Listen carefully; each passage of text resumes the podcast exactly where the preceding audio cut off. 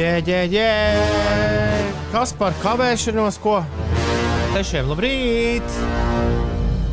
Ines un Uldī, kas par kavēšanos? Labrīt! Labrīt! Jā, kas par kavēšanos? Kāpēc kavēties? Ko? Kurš Nē. atbildēs? Kāds te vadus raustījis ir?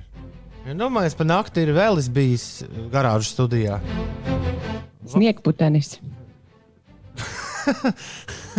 Vējš, tas jūras vējš, jā, nu kaut kā, kaut kā mēram tā saraustījis te visu. Bet es visu sasprādu apakaļ, tikai tas prasīja bišķiņu bišķiņ laiciņu. Un mēs esam gaisā. Pāri Latvijai, pāri pasaulē. Tieši raidē no mājām. Pandēmijas epicentrā. Latvijas radio 5,5 LV. Labrīt! Kāpēc vēl nav ceturtdiena? Es pamodos ar, ar tik labu sajūtu. Ceturtdienā. Tā gribēja. Būs pēc trijām stundām. Kur Austrālijā? Kā kuram? Kādā? Nu, gandrīz. Nē, 12. Tad tas strādā Ulu tā, ka kaut kur ceturtdiena ir 12 stundas pirms tevis. Savādāk nevar būt. Es Tā- starp citu tā ir vienu dienu- pulkstens- Tā pulkstenis uzbūvēts pasaulē.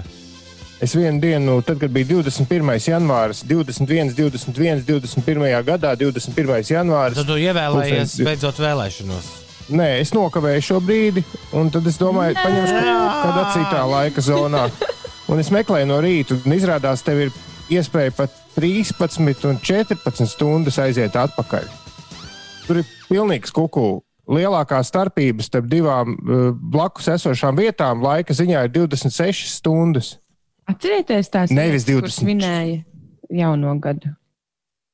Jā, tur, tur ir kaut kāds tajā klusajā okeānā, ir pilnīgi sagājušas sviestā, jo tur tiešām ir, ir vieta, kur uh, starp divām blakus esošām vietām ir 13 stundas, un uz otru pusi 13. Bet tu nevari aiziet, div- pats saproti, ko tu stāsti. Tu nevari Nu, tur- aiziet uh, 24 stundas. Tur ir 26 starpība. Atcerieties. Tu nevari. Tev, tu, tev, tad, tad, tad, tad var būt 14. Tev nevar būt 24 stundas, paņem pulksteni, pirmā klase, pa, pa, pagrozi. Nu, tur jau tā lieta, kā tas ir iespējams. Kādas tā robeža, 24 stundas? Tas te... viss ir izdomāts. 26. Nu, kādas 26 ūdi? Ja Austrālijā pulksteni vienos dienā ir uh, pusnakts pēc mūsu laika, kādas 26 stundas? Nu, Viņš padara bija aparātu. Es tev saku, redzi, uh, Kiribati ir plus Mums aizmetīs 14. mikrofonu Laika zona ir plus 14. Un, un Nu, blakus tā tur ir plus 14, nevis Jā, un 26. Un blakus tur ir tā robeža, un ir mīnus 12. Nu, ļoti Tātad labi. starp šīm, starp šīm divām vietām starpība ir 26 stundas. À, es domāju, ka tu par starpību starp mums un viņiem runā. Nē, Nē, nē, nē. nē, nē. Ah, Jēziņ. Kas jēziņ? Bet, eh, bet, nē, bet stāsts bija par to, Kur ka ir jēziņš? iespējams, Kur ir jēziņš? Jā, ir uzliek iespējams aiziet uzdziedāt. atpakaļ tālāk par 12 stundām. Tas bija mans pārsteigums. Man liekas, ka 12 Ah, stundas ok. ir maksimums. Man arī likās izrādās, līdz šim rītam, bet tu, jā, tu ar Ir- šo. Līdz šim rītam, kad man bija geogrāfijas spēle, es taču stāstīju par salām, kurās vienā var svinēt jauno gadu un aizbraukt uz otru salu un vēlreiz svinēt jauno gadu. Nē. Kad man bija tie gadi, tad mēs ja, dejojām čā. Everybody loves to cha cha cha. Mm, māki dejot čā. mācīja pirmajā klasē. Jā, kad visiem pamatsoļus mācīja, vai ne? Nē, es gāju tajā modernajās dejās.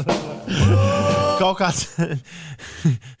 kaut, kaut kāda uzvilkta gaisot. Šorīt es jums Nu, teicu. nē, to man ļoti patīk. Man nekādas pamatsoļas nemācīja. Kaut kādu polku lektu mācīja. Dejošanā. Paldies Es Dievam. pat es ātri vidusskolā, no man viņas- liekas, ka mācījos. Tev patīk čā. Man vispār patika visādas idejas. Mēs jā, es kaut kādā brīdī apgūvām balvas idejas ļoti minimāli. Sams Kukas. Man gan nekādas labas atmiņas nav par to visu. Un par laimi bija jāizvēlas muzikas skola vai dēļas, jo abus pavilkt vienlaicīgi nevarēja. Un Tad paliku kaut kad februārī, aizgāju no dejām uz mūzikas skolu. viss. Bet čačačā es atceros, tur bija tāda ar gurniem. Čuk, čuk, čuk, čuk, čuk, čuk. Everybody wants to touch it. Sams Kuks tas bija. Jā, es vakar pirmo reizi mūžā tā uh, pamatīgāk paklausījos šo leģendāro amerikāņu soul balsi. Sams Kuks ar Everybody loves the cha-cha-cha. Inesē, kas notiek? Vispirms es gribētu saprast, kur ir tas sniegs, kas bija solīts. Nu, Rīgā, Viņš ir, piemēram. viņš viss ir nokusis.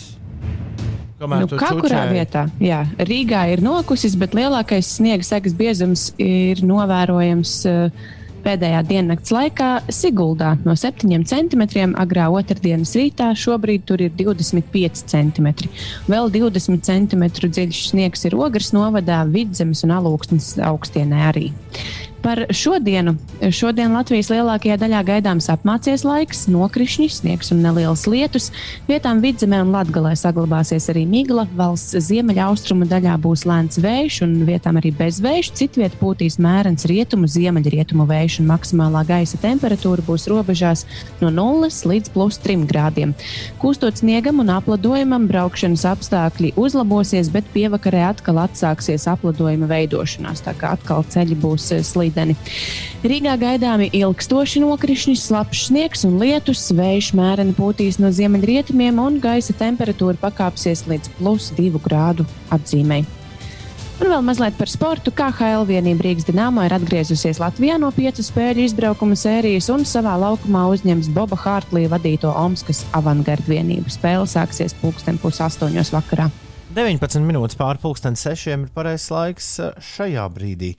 Uh, šoferīši būsim lūdzu iecietīgi pret gājējiem, raksta Anete. Ietves ir pretīga pļūrze, nevienam nav nepieciešama arī dušas strūkla no brauktuvas puses. Jauku dienu visiem. Anete, par šo mēs esam neskaitāmas reizes runājuši, un tas, ko Uldis ar Inesi, kā uh, autobraucēji, man kā kājām gājējiem, Anete ir ieskaidrojuši, ka tas nav bieži vien no automašīnām atkarīgs, vai drīzāk pat lielākajā daļā gadījumu tas nav. Neviens ļaunprātīgi nemēģina tevi apšļākt, Anet. Nu, Jā, tu vienkārši esi neredzama. nu, Nu, ga, nē, nē, nē, nē, nē, nejaucam Ja divas lietas. Nē, nu nejaucam divas lietas, atstarotāju trūkumu un apšakstīšanu. Jo viens no pieciem vai viens no desmit ir rīktīgs sušķis. Jo man arī izgājušajā dienas sapulces laikā apšakstīja tā, un nu, tur varēja izvairīties no tās pēļķis. Nu, ir vienkārši tāpēc auto. Neviens jau nepadomāja par to, ka tur blakus iet gājējs un ka viņi varētu apšļakstīt. Tas taču ir Vienkārši vienalga. Mauc cauri peļķei un viss. Brauc, autobraucējs lasa izziņas, viņš taču neredz, ka tur ir pēļķi. Nu, Nu, ja? Tā kā ļoti bieži gadās, protams, pilnīgi kretīni, kur tiešām apzināti iebrauc tajā pēķē, bet es pats esmu apšļāvis gājējis vietā, kur nu, tas ceļa reliefs ir tik izdangāts, ka tur ir pēļķi un tev vienkārši nav kur palikt pretējā joslā ar mašīnu. Tu no sabremzējies, cik vari, jo to pēļķi arī pamat pēdējā brīdī, un tad tā salīdzinoši lēnām, bet nevienalga sanāk. Nu, Es esmu apšļakstījis gājēju ļoti netīšām un jūties pēc tam ļoti vainīgs. Tas ir katras pilsētas domas sirdsapziņai. Tātad ā, darbiņš. Nu, tā varētu teikt, jā, līdzinām ielām tādas peļķes nevar, nevarētu būt uz līdzinām ielām. Bauskas lācis raksta, ka Bauskā ir kosmoss ar sniegu. Vai Es dzirdēju, ka Bauskā ir kosmos ar uh, autoceļiem, ka tie nav tīrīti. kas nu, ir vainas uz kaisīti. īslīces pusi? Ko tas nozīmē? Vainas uz īslīces pusi. Dažreiz šos autokorektu neskartos tekstus ir grūti saprast. Arī tāpat kā autokorektu skartos tekstus. Aldis, Aldim, liek, Vairāk varbūt. Aldim liekas, ka jau no pirmdienas ir kaut kas gaisā, kādi mazie strīdiņi, nesaprašanās. Būs interesanti paklausīties uzsildītās brokastis, Aldis.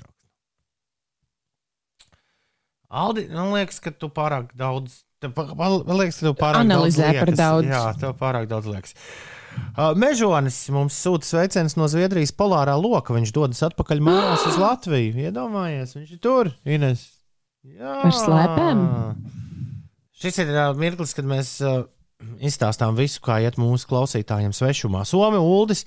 Uh, Somu Uldis uh, raksta, ka jūsu Rīgas sniegs šķiet nokrita pie manis pa nakti. Četros pieceļoties starp astoņām līdzīgām mašīnām bija kārtīgi jāpadomā, kur ir manējā. Stabili 20 cm sakrituši, klāt jau esošajiem 25. Visiem foršu dienu. Paldies, Somūldi. Un savukārt Vācijā sliktā meitene mums ir pieslēgusies. Viņa raksta, Anšēn Guten Morgen, man šodien Berlīna. Kā var patikt dzīvot šajā pilsētā, es nekad nesapratīšu. Nu, tev jābūt vegānai, un uh, tev ir jāpatīk ļoti, ļoti dīvainai elektroniskajai muzikai. Un uh, tev ir uh, jāgūst kaifs no mm, pārvietošanās no punkta A uz punktu B vismaz pusstundas garumā. Tā, man, man tā patika tas Parīzes koncepts, ko es jums laikam rakstīju, bet ētrā nestāstīju, ka visur, ko, viss, kas tev vajadzīgs, būs sasniedzams 15 minūtēs ar kājām vai velosipēdu. Jā, Viņi tā, nu, viņi tā ir izdomājuši, tā būvēt pilsētu un visu Pilsētu plānošana. tā ir, jā. Jā, visas iestājas, jo Parīzē ir pilnīgi kuku, jo tur ir, tas, tur ir apļveida pilsēta. Mm. -hmm. Līdz ar to viss agri vai vēl atduras centrā pret milzīgiem sastrēgumiem. Un viņi mēģinās plānot tā, pirmkārt, viņi Elizējas lauks taisa par dārzu, nevis ielu. Tā, kas, tā kā tas arī bija domāts sākotnēji. Tur nebūs vairs mašīna, vai arī Aha. būs, bet tur kaut kā lēnām un maz. Un, un tā, lai tev vienalga, kurā rajonā dzīvo, lai tev nebūtu jābrauc, piemēram, nezinu, uz pastu ilgāk par 15 minūtēm ar kājām vai riteni, lai viss vajadzīgais tev ir sasniedzams. Ļoti labi, ļoti labi. Nu, es gāju puspilsētai pāri, lai aizietu līdz muzejam, kur Jā, man vajadzēja jā, jā, nu, sasniegt. tad, tur jau Un eifeļtornis arī nav visur. Viņam jābūvē, jābūvē ir tāda eifeļtornīša katrā rajonā. Bet metro arī, draugi, mīļie, ja papētu Parīzes metro kartu, principā viņš arī ir apaļ, apļa veidā. Nu, Tā, tā, jo tu nevari aizbraukt. Es par to esmu brīžiem sūkstījies, ka tu, tev jāpā, jātiek pāri sēnai, lai tu līdz turienei tiktu. Tev ir jābrauc diezgan ilgi. Un arī visi, kas ir interesanti apkārt, visi Parīzē, visi tie uh, aprajoni, kuros, uh, kuros tas īstais franču geto mīt, tie arī ir apļu veidā sakārtot. Tas ir interesanti. Nē, plānojums jau it kā liekas foršs, eh, bet, bet viņi melo par tām 15 minūtēm. nu, to viņi centīsies. Tas ir, Ā, vēl tas tikai ieviesīs. Jā, jā, jā. Viņi būvēs Nu, mazus eiffelīšus. Redzēsim. Jā, to, Luvriņus. tos ēfelīšus un lūriņus ūdens piedomāja klāt pats. Jā. Tu- To mēs, starp citu, visu laiku nēdu pizzas un kebabus. Somu ūdens raksta, ēdu arī pilnvērtīgu ēdienu. Un, starp citu, Somijā ir nežēlīgi garšīgi biešu salāti. Nākamreiz būsim Pirmo Somijā. reizi šo jāpieraksta. Jā, šo mēs nākamreiz, Pirmo reizi dzirdēts, ka kāds saka, ka ir garšīgi bieži salāti. mēs nākamreiz brauksim uz Somiju. Obligāti prasīsim. Uh, please, beetroot salad for uh, me and my colleagues. Man šķiet, ka šī dziesma ir par Berniju Sanders. Bernija from the skies. Viņš vairākas reizes dzied. Uh, Tas viņš ir Queen uh, solists, uh, jā, Fredijs Merkūrijs. Ir 6,29 minūtes, un uh, tu klausies uh, Latvijas radio 5,5 LV. Uh, loģiski, loģiski. Cēlies augšā. Rīts ir sācies, jā, jauna diena jāsaka. Labrīt, Rīga, labrīt, Latvija, labrīt, pasaule! Lai arī kur tu būtu, tieši raidē no garāžas studijas. Šis ir raidījums pieci rīti. Garāžas studijā pievienojušās ir divas nemaz te, ne tik tālu no garāžas studijas esošas guļamistabas, nē, bet dzīvojamās istabas. Ulu Ziediņš un Ines Pučeka ir tajās. Lab, labrīt, Ulu un Ines. Man- Mans treneris lika jums nodot uh, svarīgi, lai te viņš teica, ka man tas ir jāpasaka publiski, lai, lai tas piepildītos. Jā, nu, nu. Bet es reiz publiski, nekad viņam nestāstiet, ka es reiz publiski apsolījos visas Alfreda Hitchcocka filmas noskatīties. un Nesmu ši, tas ceļojums apstājās, man liekas, pie filmas numur 6 vai numur 7, un nekas tur tālāk labs nenotika. Bet uh, man ir jāpasaka, ka es skriešu 600 km līdz lieldienām no šī brīža. Tad noskriešu 600 km no šī brīža līdz Cik tas lieldienām. sanāk katru dienu. Tas to, to tu rēķini pati. Un 5 km. Uldi izrēķini. Un uh, tu taču labi zini, Ines, ka tā neviens nedāla. Un Ulas nezina, kad ir lieldienas, protams. Uh, liec, 67 dienas. liec Ulu mierā. Nu, tā tad bišķi mazāk par 10 km dienā. Pēc Ine, ja, Ines, tu taču nekad neskaldi visu vienādā daudzumā. Tu to labi Nu zini. kā, nu, bet man lai tev tas jāstāsta. Vidēji, vidēji, lai mēs zinām, ar ko ir jārēķinās katru dienu. Tad jau pēc tam tā ir interpretācija, vai tu vienā dienā noskrien 15 km un nākamajā tikai 5. Bet vidēji tas neizklausās slikti. Nu, ja tu tā to pagriezi. Nu, re. Labi. Bet, uh, bet jā, nē, mēs vienkārši vakar mums bija maza sapulce, un mēs nolikām nākamo mērķi. Un, un lieldienās ir mērķis tad, uh, dabūt uh, nākamo, nākamo uh, pat nezinu, kā to saukt. Tas nav panākums, tas nav sasniegums. Tas ir. Uh, kā Nu, tas mazais apbalvojums skriešanas aplikācijā. Kā, kā tu to saukt milestone? Kā tu milestone uh, stūrakmeni? Nu, nē, nu, t- nu, starp, starp finiša galamērķis. Nezinu. Ir vārdi, kas netulkojas milestone ir kaut kas cits. Milestone ir tas, ko tu, sasni, ka tu sasniedz kaut ko tādu, ko tu neesi nekad iepriekš sasniedzis. Nu, milestone, jā, bet tas ir ceļam pa vidu. Milestone nav finišs. Milestone ir tā kā nekad nav, viens. nekad, cilvēkiem tādiem kā mums, Uldi, nekad nav finišs. Nu, visiem ir viens īstenībā. Jā, jā Nu, bet tā kā tu, bet tā tu, bet tā kā, bet tā kā tu nezini, Ines, kad tas uh, finišs būs, tad uh, tikpat labi tu vari pieņemt, ka viņš nekad nebūs. Nē, nu, milestone galvenais ir tas, ka tas ir ceļā uz kaut ko, nevis. Uh, Jā, jā. Viens no, viens no akmeņiem pamatos. nu, jā, nu, Nākamais- ceļa, man liekas, ceļa stāps arī Nākamais, varētu būt. nākamais ceļš taps Ines tajā, ko tu pirms diviem gadiem netīšām uzplēsi tajā rētā. Nākamais ceļš taps lieldienās 5 km zem 20 minūtēm. Mm -hmm. Tālāk. nu, nu, man jau neliekas, tas nekas neiespējams. Nu, Nu, es labi. pati, protams, nevaru šobrīd tā noskriet. Man vakardien arī bija viens skriešanas pasākums. Nu, pastāsti, Ļoti- kā tev gāja.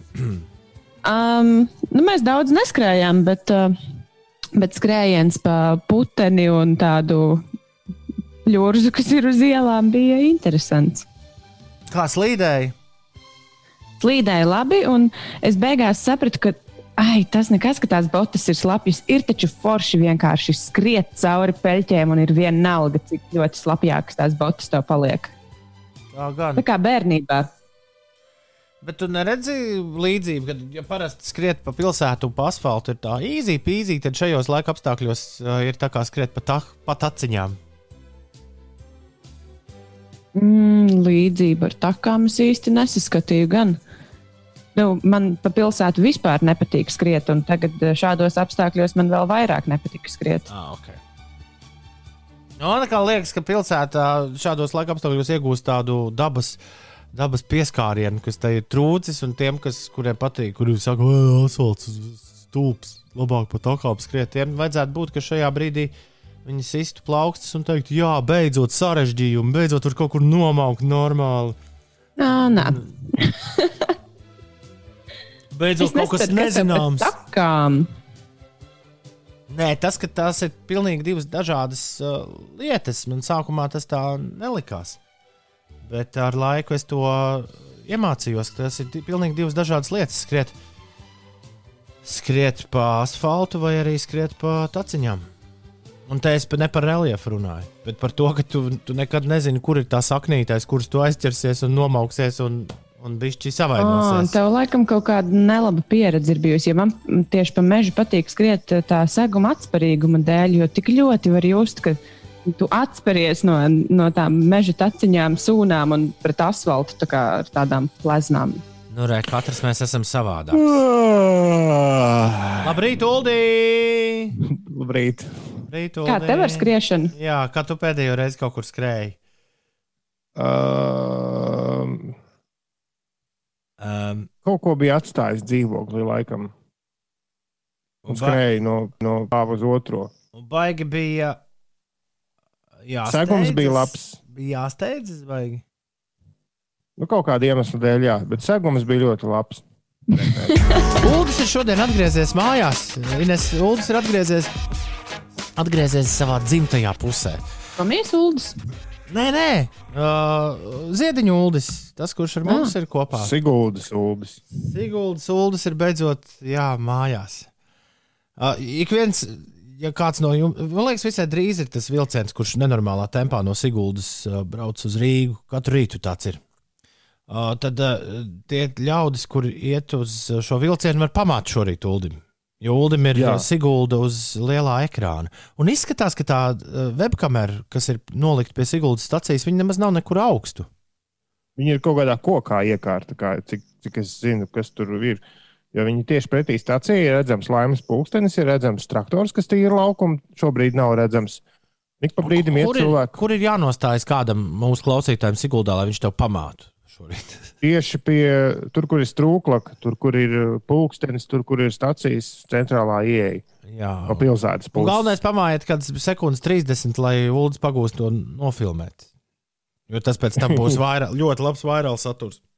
Jā, un, eh, ja kāds vēlas skatīties, tad, lai es varētu palaist televizorā, vieglāk es uztaisīju arī e-punkts uz. Man ir e-punkts uz slīpsvītra Sigulda. Tu esi pamanījis, nu, Ines, ka Ulim pilnīgi visam dzīvē, ko vajag ātri palaist, ir e-punkts uz adresītes. Jā, E-punkts uz Siguldu, tik vienkārši. nē, Sigulda. Bez patskaņiem tikai A beigās, jo Sigulda bija aizņemts. Nu, tas, lai varētu, jo televizorā baigi piņķerīgi ierakstīt adresi. Tur nav klaviatūras. Es gan rakstu tagad telefonā, bet agrāk telefonā negāja kaut kas. Viltnieks. pulti Jūs esat vil... viltnieks, Ziediņa kungs. Nav. Ļoti forši sataisīt tādas eh, tās e-punktus uz adresītes. Es tikai to lietoju tikai ērtībai. Nav tā, ka man ir viss Bet, protams, ne, nu, pagaidām, ja tu zinātu, kam tik es neesmu, es nesīju sev e-punktu. Uh, e-punkts uz Ines, kas notiek? Labrīt. Stāstīšu par sporta aktualitātēm.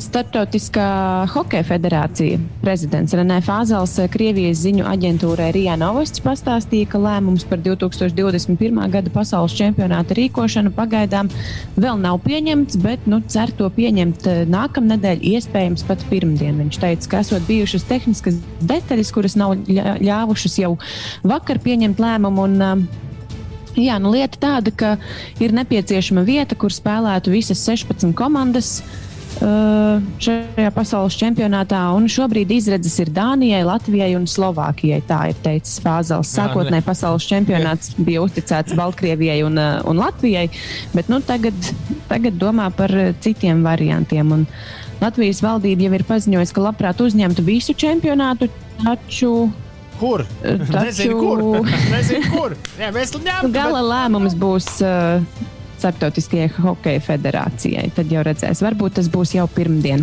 Vēl par hokeju. Nacionālajā, Nacionālajā hokeja līgā Teodora Bļūgera pārstāvētā Pitsburgas pingvīns ar 2-3 diemžēl zaudēja Bostonas Bruins spēlētājiem.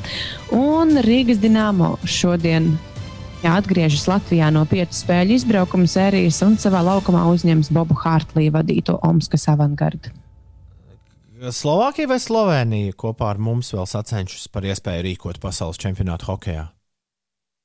bija Dānija un Slo arī Slo- Slo- Slovākija. Slovākija.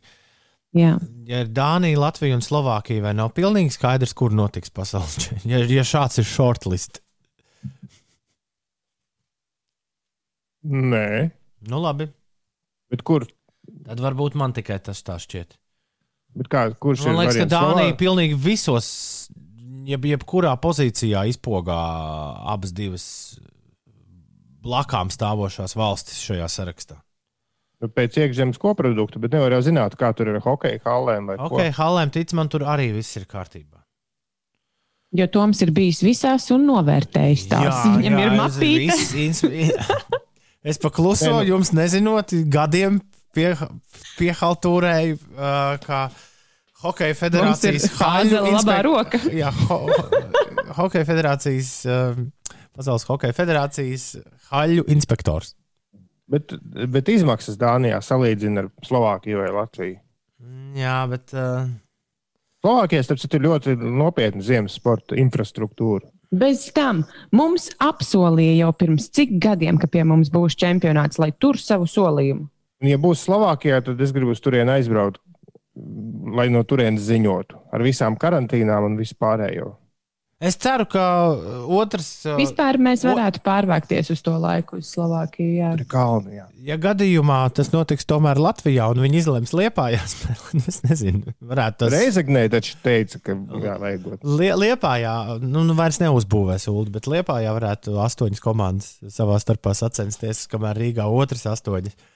Ā, Tad, es, tad pat šajās, tad pat šajos attālinātajos laikos ir pilnīgi skaidrs, ka un arī Reizekne darētu gan Reizeknes, gan Liepājas ekonomiku, pasaules hokeja, tas ir pareizāk sakot, infrastruktūru, jeb kādu vienkārši nonest no kājām un nogāzt gar zemi. Tas būtu ļoti labi vietējiem uzņēmējiem, jo kaut vai, piemēram, gatavojot maltītes Forteikovai, būs, būs tās nepieciešams ļoti daudziem cilvēkiem. Nu, kaut vai visai tai ambrāžai, kas tur apkārt dzīvojas. Es nezinu līdz galam, kur ir problēma. Rīgā taču ir tik daudz halu šobrīd, vai tad tās nestāv tukšas? No amatieri taču nes, salikt smukas kameras tā, lai tas izskatās pēc, uh, pēc kaut kā ines. Tā ir problēma. Nu, bet, ja nevar salikt kameras, tad rādio var ziņot. Saliec apkārt tos zaļos uh, ekrānus un lietas fonā, ko gribi. Nē, nu, pašas kameras nav vieta, bet, bet, bet esam aizmirsuši par radio žurnālistiku. Man pat patīk, kāda starpība šajās, šajos laikos, kur tas notiek. Kaut kas tik skaists tajās dziesmās, kurās svilpo. Franču producents Mid kopā ar Maku de Marko, kurš galīgi nav nekāds franču čalis. Moving Man 6,47. Moving Men tie ir tie, kur pā, tie, ir tie vīri, kur mā, uh, palīdz pārvākties, vai ne? Jā, movers. Viens, divi, trīs, un. Re, kur tavs skolotājs ir? Ja? ja es pareizi atceros. Pasniedzēja kungs. Ah, jā, jā. Pasniedzēja kungs, kuram pa, kaut kur hip, kaut kur hop. Viņam arī pasniedzot rīmes, nav jāmeklē kabatā. Nē. Ļoti labi. Mana Rīga, tas kvadrātmetri kvartāli. 6,51 minūte. Labrīt, tas bija Arthurs Skutels, Ines pasniedzējs bijušais. Ar dziesmu Rīts sasodīt izdevies. Viņam arī palīdzēja tvērumi šajā dziesmā. 6,51 ir pareizais laiks. Labrīt, labrīt, labrīt, labrīt, labrīt, labrīt. Tagad jūsu uzmanībai. Laika mašīna. Jau gandrīz mēnesis aizvadīts laika mašīnā, minot nevis gadus, bet izpildītājus. Tā teikt, Tas bija Uldis, man liekas, tā šis teikt, izpildītājs. tā teikt uh, laižam mēs ar laika bobu pa, um, Reni. pa trasi, pa trasi laižam mēs lejā, laižamies lejā, sniegotajā skatā un mēģinām popmūzikas vēsturē sastaptos uh, interesantos individus atminēt. Klau, Ines. Es reiz, Jā. uh, un, un tā kā es darīju, tā dara cilvēki visā pasaulē, un droši vien, ka ik pa laikam vēl joprojām dara. es reiz 1. aprīlī iedevu sabiedrībai tā, ka es ierakstīju 1. aprīļa rītā Facebookā. Uztaisot uh, saiti, ko nevar īsti nu, redzēt, kas tur tālāk ir, ja tu uzspied. Man liekas, ar kaut ko ar bit.ly to es darīju, vai, vai vēl ar kaut ko. Bet, uh, bet doma ir tāda, es ierakstīju. Rekur prāta vētras jaunā dziesma. Uzliku kolu, tad bija saitīta. Ļoti daudz cilvēku loģiski tur uzspieda virsū. Un uh, viņiem atvērās YouTube. Ines kaut ko bišķi tev pateikšu priekšā, varbūt tas tev palīdzēs. Tad, kad tu šādu joku saņem, nu, piemēram, tev kāds atsūtītu, re, kur Ines jaunā Florences dziesma, tu nospiestu un tur ieskanētos šī dziesma, tad to sauc par rikrollingu. Kas izpildīja šo dziesmu? Cīm redzot, kāds riks. Nu, ne, protams, ka dziesma ir uh, dzirdēta simtām reižu, bet es nekad, nekad neesmu interesējusies, kas to Un izpildīja. tu nekad neesi uzķērusies uz rikrollingu? Mm, varbūt arī esmu, bet es tiešām saku, man nekad nav interesējis, kas ir tas cilvēks, kas to dziesmu dzied. Tu nezini, kurš, kurš riks tas ir. Nu, tad klāja riku vaļā.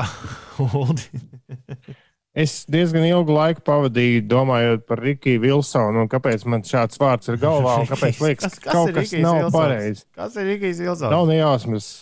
Man, man visu laiku bija Rikijs Vilsons, bet kaut kad pret dziesmas beigām atnāca tas Estlīs galvā. Jē, Rīgas Ašlīs. Viņas, kāpēc mēs saucam uh, latviešu radio dīdžeju sauc par? Rick Ast jo īstenībā viņš ir Astlīs, jā. Rick Ashley. Uh, Ļoti interesants čalis. Viņš tur ar Foo Fighters ir uzstājies pēdējos gados, un ko tik vēl ne. tā, Nora Siguldas Edgars. Kurš, starp citu, gribēja, lai Liepājā taisa pasaules čempionātu hokeja, jo viņam esot pārielai dīķis ar ledu un hokeja vārtiem. Jā, nu Fāzēla kungam tas interesē. Tad, Nora Siguldas Edgars iet pie ledus skapja, Sencīts Dainis, Aigars, uh, Zaļā Vārna, Kipiņš un Desta. Bet ļoti daudz, starp citu, Ines, tāpat kā tu zināji, ka tas ir kaut kāds riks bez liekiem paskaidrojumiem. Riks, riks. Un vēl ir kaudze cilvēku, kas saka, ka vecā laika mašīna bija labāka. Jā, kaudze. Tiešām, tiešām kaudze. Nu, labi, labi, bet pārītis ir, kas, kas tā raksta. Tiešām kaudze. Jā, Es, Es, es, varētu šitā, kā, es, varētu, ša- es varētu šādi katru rītu teikt, ka oi, tie, klau, tie vecie klausītāji, kas bija pirms daudziem gadiem, tie gan bija daudz labāki. Ah. Ir uh, trešdiena, 27. janvāris. Labrīt, visapkārt. Ar kur kāju no uh, gultas izkāps tāda laika mašīna tev arī būs. Tas viss ir tik vienkārši. Cik uz to Ines izkāpa no gultas šorīt? Bez 26. Pagaid, pagaid, bez 26. Sekundēm. Nē, nē, pagaid, pagaid, pagaid, pagaid. Pagaid, pagaid. Pag. Bez 26. tu rakstīji, ka tu. Uh, bez 18. 6. tu rakstīji, es īstenībā vēl neesmu piecēlusies. Tātad, cikos tu izkāpi no gultas? Nu, iespējams, bez 15. sešos. Ram tam tam.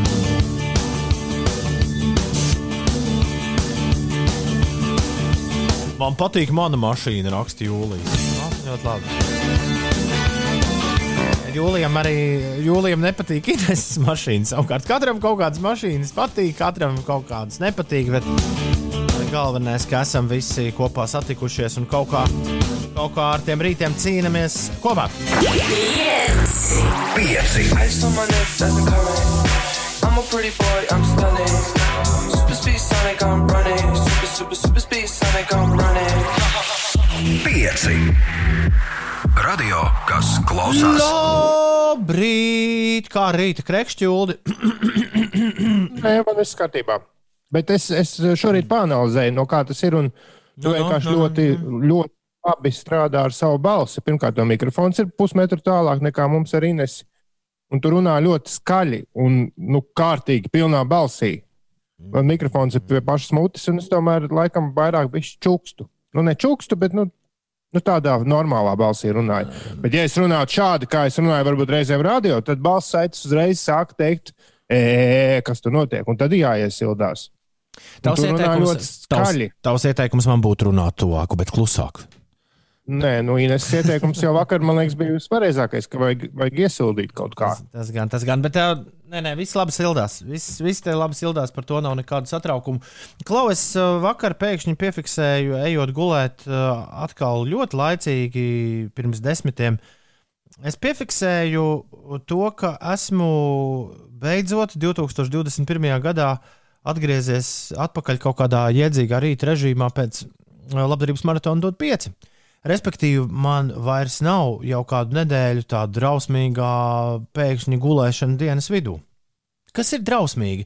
Viņi it kā nu, skaitās ļoti forši tā diendusiņa, kur ik pa laikam mēs kā rīta cilvēki paguļam. Bet uh, sajūta pēc tam nu, lielākoties vienmēr ir tāda, ka, nezinu, gribas iet ārā pagalmā kauties ar, ar klaidoņiem suņiem. Bet, uh, ko es nekad neesmu darījis, es esmu liels dzīvnieku draugs. Pagaidām, mieru, tikai mieru.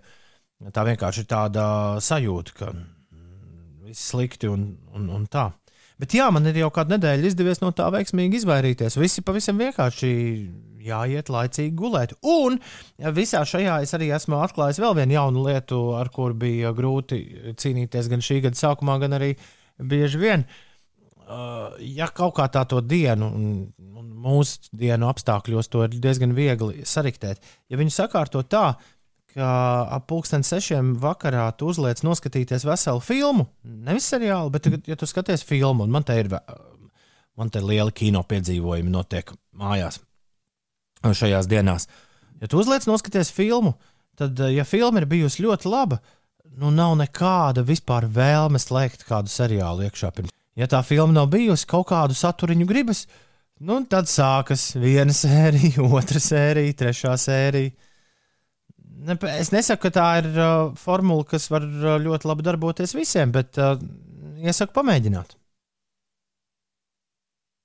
Noskatīties filmu? Nu jā, bet tā laicīgi sāk. Nu, tad septiņos. Septiņos mm. vakarā ieliec sev kinoseansu. Kinoteātris nestrādā, mm. var mājās taisīt kinoteātris, uztaisīt, uztaisīt nedēļai afišiņu, salikt, kas kurā dienā ir, pulksten 19. Es ap citu Es tam citu redzēju vienā mājā, kur ir jaunie cilvēki, kur ir arī jauni cilvēki. Tur bija ģimene uztaisījusi tādu lielu stāfeli sev pirms kāda laiciņa jau. Redzēju, bija filmu saraksts, tur bija arī jāliek visiem atzīmes. Kā, kā tev filma patika? Šorīt, man liekas, ka šorīt atklāja, ka viņš ir aizrāvies ar grāmatām. Un es kaut kā arī pēdējās divās nedēļās esmu vairāk pieslēgusies grāmatām, līdz ar to tādu kino vai seriālu skatīšanās šobrīd ir otrajā plānā. Par Ulu grāmatu, kuru viņš ir pabeidzis uh, pirmo no Latvijas radio bibliotēkas krājumiem, mēs parunāsim pēc kāda laiciņa. Taču tagad ir 9 minūtes pār septiņiem. Kas mums ir šom? Nē, nē, es arī gribēju kaut ko teikt, bet labi, labi, labi. labi, labi. Viņš jāskrien, uh, vajag daudz pulkstenis kopā ar ziņām mēs runājam jau kādu 14 minūti. Tā lā, varam parunāt vēl bišķiņi. Bet būtu arī forši kādu mūzikas skaņdaru paklausīties. Ir trešdiena, 27. janvāris. Šodien sveiciens vārda dienā Ilzei, Ilzei un Izoldei. Ilze, Ilze, Izoldē! Jo! Ulem Eināram Bjerndālenam, norvēģu biatlonistam, šodien dzimšanas diena. Mihailam Bar Barišņikovam, kurš vienu brīdi uz Latvijas ielas bieži bija. Nē, tas nav viņš. Tas ir viņš. Tas ir viņš. Jā, Mihailam Barišņikovam, kur Rīgā bieži uz ielas varēja Latvijas ielas redzēt pirms kāda laiciņa cilvēkam no seksa un lielpilsētas seriāla. Viņam dzimšanas diena amerikāņu balodejotājam, kurš Rīgā ir dzimis. Amerikāņu aktrisei Brigitei Fondai, amerikāņu komēdiju aktierim Patonam Osvaltam, fotogrāfam Nilam Vilnim, improvizatoram, režisoram un aktierim Varim Klausītājam un labvēlīgā tipa bundziniekam Ainim Zavatskim. Šodien dzimšanas diena. Vai labvēlīgo tipu gan mēs šajā pārēdē nesam sen dzirdējuši? Jā, ja kāds mums klausās, sveicienu Ainim Čau! Jā. Uh, es tagad uzlikšu dziesmu, kuru Ainis spēja nospēlēt uh, ar aizvērtām acīm. Noteikti. Bundziniekam, man liekas, diezgan viegli. Ar aizvērtām acīm. Mūzicēt ar aizvērtām acīm. Bet varbūt, varbūt tā ir klišē. Ja mūsu klausās, Aini, tu mūs dzirdi, vai arī ja mūsu klausās kāds cits bundzinieks, atrakstē 293, 1202. Ir viegli spēlēt ar aizvērtām acīm vai nē? Labvēlīgais tips! tas nevar vairs tā, tik ļoti vilties garumā. Labvēlīgais tips! 15 pār 7. Uh, bija mašīna no kupenes jārok ārā Siguldas tomam, bet tāpat man ir bērnišķīgs prieks par to, cik skaisti ir. Varbūt Ulu tev jābrauc uz gaujas sedlēju, pašļūkāt. Pa kalnu? Nu, tur jau tā nevar, tur jāpierakstās tagad aplikācijā un jāgaida rindā vieta un kas tik vēl ne. Ap dienvidu tiltu luksofori nestrādā, Dārsa raksta. Vismaz braucot virzienā uz centru no ķēngaraga. Brauciet vērīgi. Un Odiņš raksta sveiciens manai mīļākajai Ilzai vārda dienā, kur reizēm ir arī Kristīne. Nu, ko? Uh, Ilzītas, milzītas, rekurjums, Kidlaroja vārdu dienā ar Vidaučiju 7.16. Labrīt! Esam trešdienā, 27. janvārī. Tu klausies Latvijas radio 5,5 LV. Šis ir raidījums, kuru joprojām sauc 5 rīti. Uh, šī raidījuma viena no mm, tādām uh, fundamentālākajām sastāvdaļām ir Ineses Pučekas, kas notiek rubrika, kur notiek tagad, šajā brīdī. Jā, šorīt visā. Mosties, mosties, mosties! Es jau biju pamodusies. Šorīt visos Latvijas reģionos sniegs un apladojums apgrūtina braukšanu pa valsts galvenajiem un reģionālajiem autoceļiem. Aizvadītajā dienā diek sasniedzis ir Siguldā, tur no 7 centimetriem agrā otrdienas rītā. Pat labi ir palielinājusies sniega sega līdz 25 centimetriem. Arī ap 20 centimetru dziļš sniegs ir ogrē, vidzemē un alūksnes augstienē. Par laikapstākļiem šajā dienā atkal lielākajā daļā gaidāms apmācies laiks un nokrišņi, sniegs un lietus. Vietām vidzemē un latgalē saglabāsies arī migla. Gaisa temperatūra 0,3 grādi, kūstot sniegam un apledojumam. Braukšanas apstākļi mazliet uzlabosies, bet vakar pusē atkal piesals un atkal atsāksies apledojuma veidošanās. Rīgā gaidām ilgstoši nokrišņi, slapjš sniegs un lietus. Vējš mēreni pūtīs no ziemeļrietumiem un gaisa temperatūra plus 2 grādi. Par sportu Rodiona Kuruca pārstāvētāja Houstonas Rockets ar rezultātu 107 pret 88 pieveica Dāvija Bērtāna pārstāvēto Vašingtonas Wizards vienību. Tā liecina Nacionālās basketbola asociācijas informācija, bet latviešu duelis šoreiz laukuma izpalika, jo nedz Kurucs, nedz Bērtāns šajā spēlē laukumā nedavās. 7,22. Laiks nedaudz burvju putekļus uzkaisīt visur. Visiem šajā rītā. Teiktu, būs tev, būs tev, un vēl arī tev. Aiziet! Lai jauka trešdiena! Ģeniāla ziemas mūzika no Austrālijas, kur īstas ziemas nemaz nav. Avalanches un MGMT, Divine Chord, tavā rītā radio.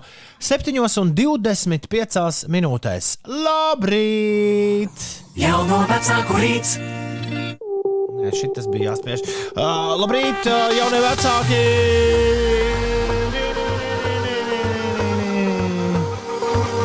Labrīt, attālinātie vecāki!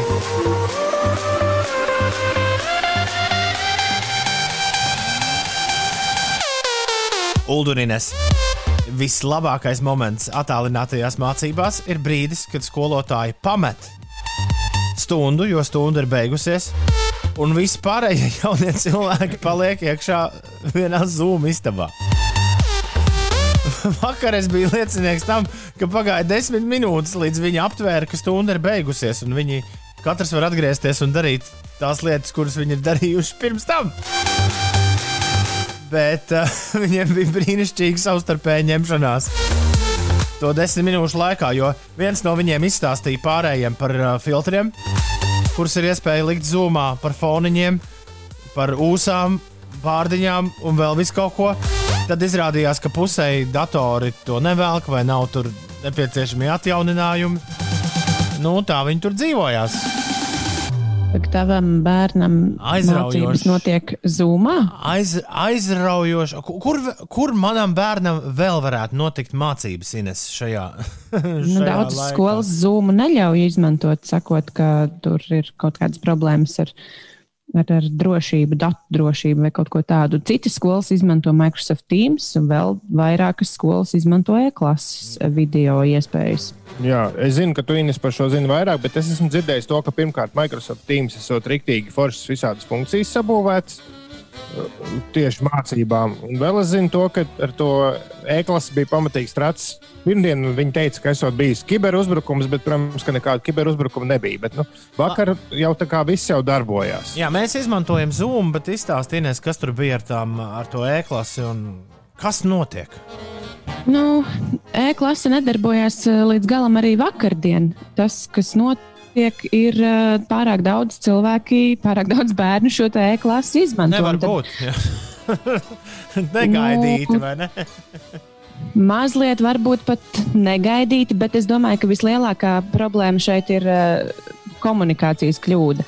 Jā, e-klase piedāvāja kā vienu no, kā vienu no variantiem, kur vadīt stundas, bet uh, vairākas skolas to laikam izvēlējās kā vienīgo variantu. Tāpēc Gala rezultātā tie situācijas ķilnieki ir vecāki un bērni, kas eh, mēģina pieslēgties vairāk kārt eh, video, un tas eh, nesanāk. Bet e-klases video platforma patiesībā ir pilotprojekts, kas nozīmē, ka mm, nu, tas līdz galam nebija pārbaudīts, tā jauda nebija pārbaudīta, un, un nebija varbūt arī pat paredzēta tik daudziem pieslēgumiem, kādi izvērtās. Bet, uh, te atkal atbildība es, es, es ir. Es mazliet iestrādināšu, jo, jo varbūt kāds nezina, un varbūt Toms nezina. Viņi uztaisīja savu zūmu īs, īsāk sakot. Jā, Jā, jā. kāpēc lai jālieto tas, kurš ir, ja var uztaisīt savu? Jā. Nu, it kā loģiski, jo e-klase ir tomēr vieta, tad tur viss būtu vienu vietu. Mhm. Nu, It kā jā, bet tā pašā laikā tas nav valsts projekts. Tas ir projekts, par kuru jā, valsts nemaksā, bet maksā skolas. Un tad no vienas puses liekas, nu, uztaisiet kārtīgu projektu, jo mēs taču maksājam jums par pakalpojumiem. Bet no otras puses, eh, jā, nu, tur tāda tā kā labās gribas žests, kā gribēja panākt pretī, bet nu, gala rezultāts sanāca tāds, kāds eh, sanāca. Var jau būt, ka būtu kiberuzbrukums bija. Nu, tas, eh, to vēl mēģina saprast, vai bija vai nebija. Varbūt no iekšienes izskatās, ka tāds ir bijis, bet, eh, bet es drīzāk domāju, ka tās bija vienkārši pārslodze tai, tai vietnē. Un, eh, Kiberuzbrukums vecāki- no pašiem lietotājiem.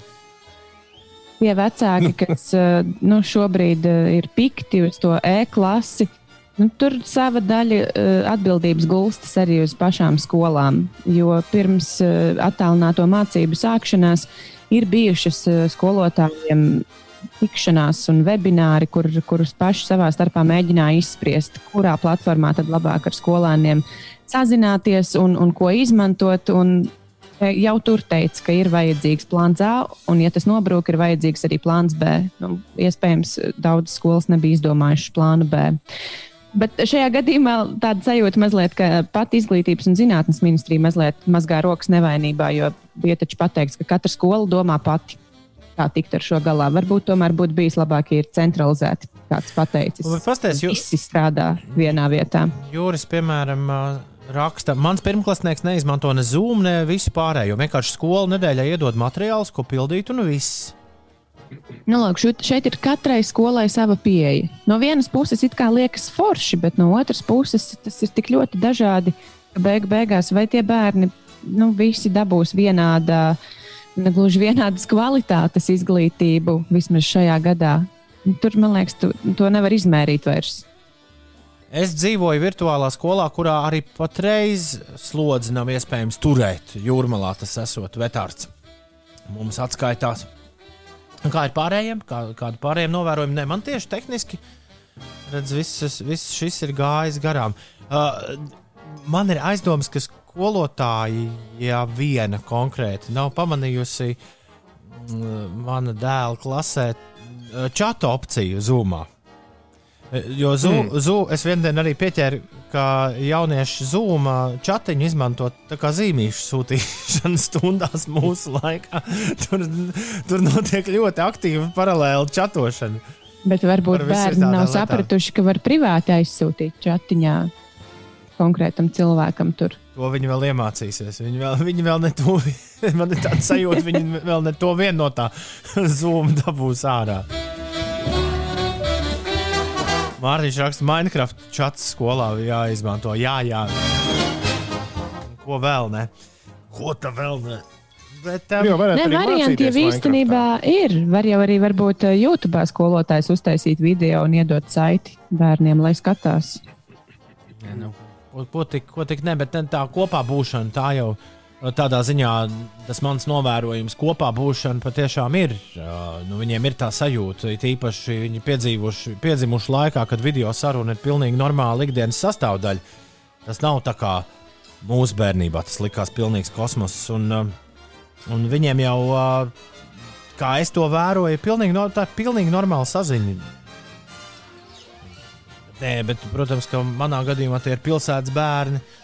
Un, un tā tālāk. Pamēģiniet vadīt stundu pusaudžiem reizē ar pirmklasnieka zūmu palīdzēšanu. Man pirmās dienas bija jautras, raksta Diana. Jā, Bet man, man, man šķiet, ka Dagmija šis rakstīja to. Kopumā- Rakstīja. Es atvainojos. kopumā tomēr mēs kaut ko arī iegūstam no šīs pēkšņās un uzspiestās uh, saziņas prasmes, nu, jaunās. Un, uh, kā, ko jūs domājat par to ideju, ka, daži, ka kaut kāds procents stundu uz, visu, uz visiem laikiem kļūs virtuāls? Nu, tāds plāns ir. Vidusskolāniem vairāk, pamatskolāniem mazāk. Ko mēs ietaupīsim tādā ziņā? Kurus resursus? Tad par to jau Es domāju, liekas, tas, tas vienmēr ir galvenais jautājums. Tas, ne, ne, nu, tas nav par ietaupīšanu, bet par, par prasmēm kaut kā tā un par optimizāciju. Ne jau naudas taupīšanas dēļ to darīs. Pēkšņi kaut kas sāk studijā pēc deguma smaržot. Oh, oh. Tas sildītājs, bet tur nekas nedeg. Īsti. Varbūt pats sildītājs, varbūt šī dziesma. Varbūt, varbūt. Es bišķi sāku, sāku satraukties. Ir uh, 7,34 minūtes jauno vecāku rīts. Man šķiet, šajā rītā būs uh, beidzies. Tikai bišķi uzdejojam. Man vēl bija jautājums par šo dziesmu, bet varbūt to nākamajai reizei. Jā, piefiksē un atceries. Es ļoti ceru, ka daļa sapulču turpināsies zumā nu, līdz mūsu dzīves beigām.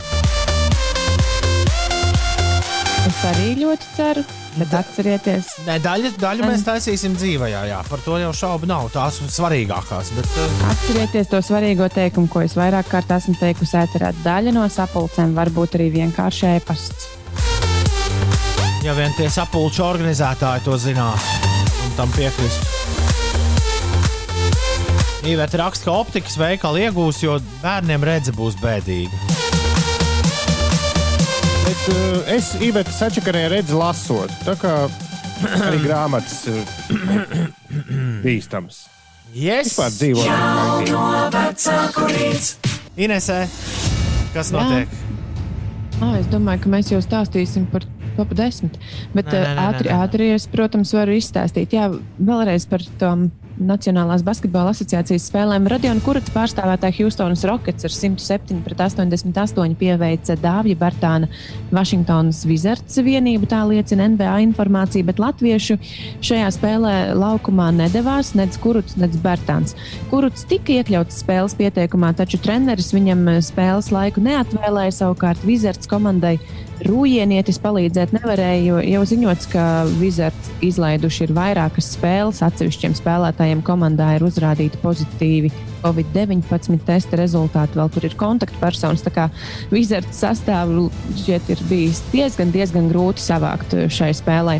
Vēl par basketbolu FIBA čempionu līgas grupu turnīru sekmīgi ir noslēguši Vefrīga basketbolisti. Rīdznieks savā laukumā uzņēma Peristerī komandu no Grieķijas un spraigā spēles galotnē, pateicoties Kristere Zorika precīziem tālmetienam, pieveica eh, Grieķijas komandu ar rezultātu 60 pret 57 un iekļuva izslēgšanas spēlēs.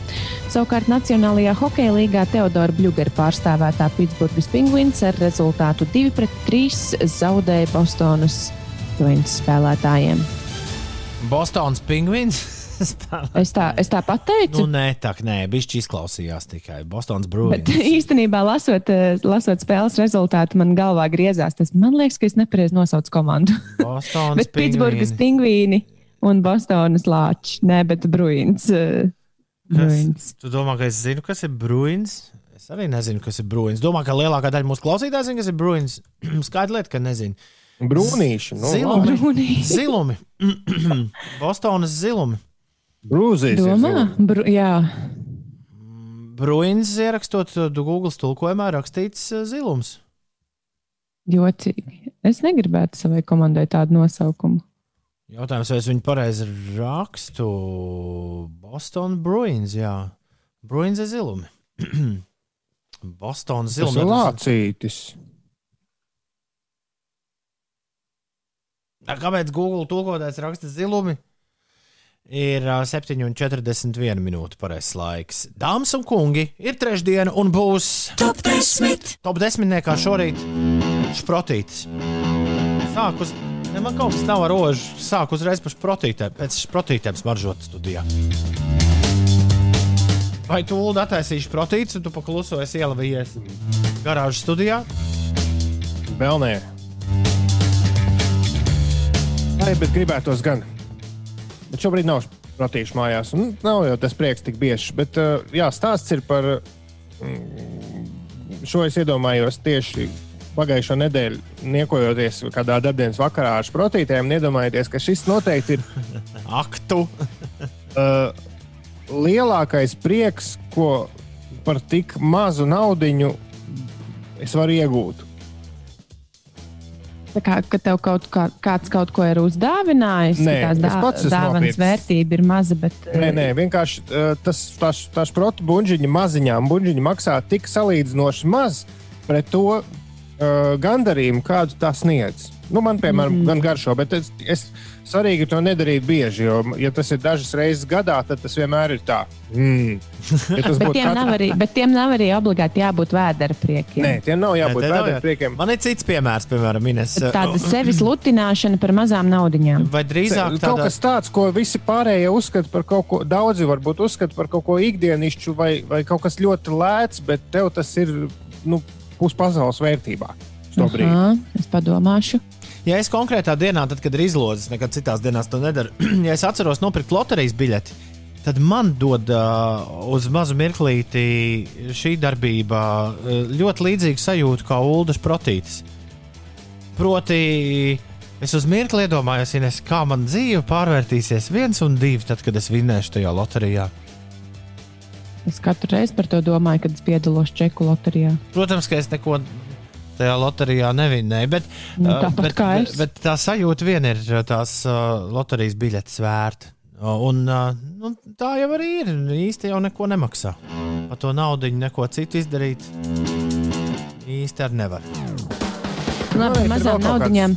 Man patīk sevi iepriecināt, uztaisot kafiju tajā, mm, man liekas, ka itāļu kafijas kanniņā. Nu, nevis vienkārši uzvārot karstu ūdeni un aplējot kafiju, bet izdzenot caur to kanniņu kafiju. Un tā es nedaru katru dienu. Bet man uz Reizēm. mēles ir vēl kaut kādas lietas, kuras iegādājoties, tu padomā, nevar būt, ka kaut kas tik labs maksā tik maz. Vai tu spēj ka noformulēt vienā, vai tu spēj noformulēt vienā teikumā šīs dienas top 10 uzdevumu? Uh, Man ir pierakstīts liela- lielākais prieks par mazāko naudu. Jā, dalāmies, lūdzu, draugi mīļie. Mēs vēlamies uzzināt arī jūsu lielākos priekus par mazāko naudu. 293, 202, 293, 202. Sūtām izziņas, un visai drīz mums būs. Taču tagad, 7,45. 3, 4. Nu, kāds garstāvoklis, Ulu, kāds garstāvoklis Ines? Viss labi? Vai jūs vajadzētu arī ieslēgt? Halo, labrīt! Es saku, jā, aizdomīgi labs garas stāvoklis. Tā, Es mēģinu labi. rēdieniem tikt galā.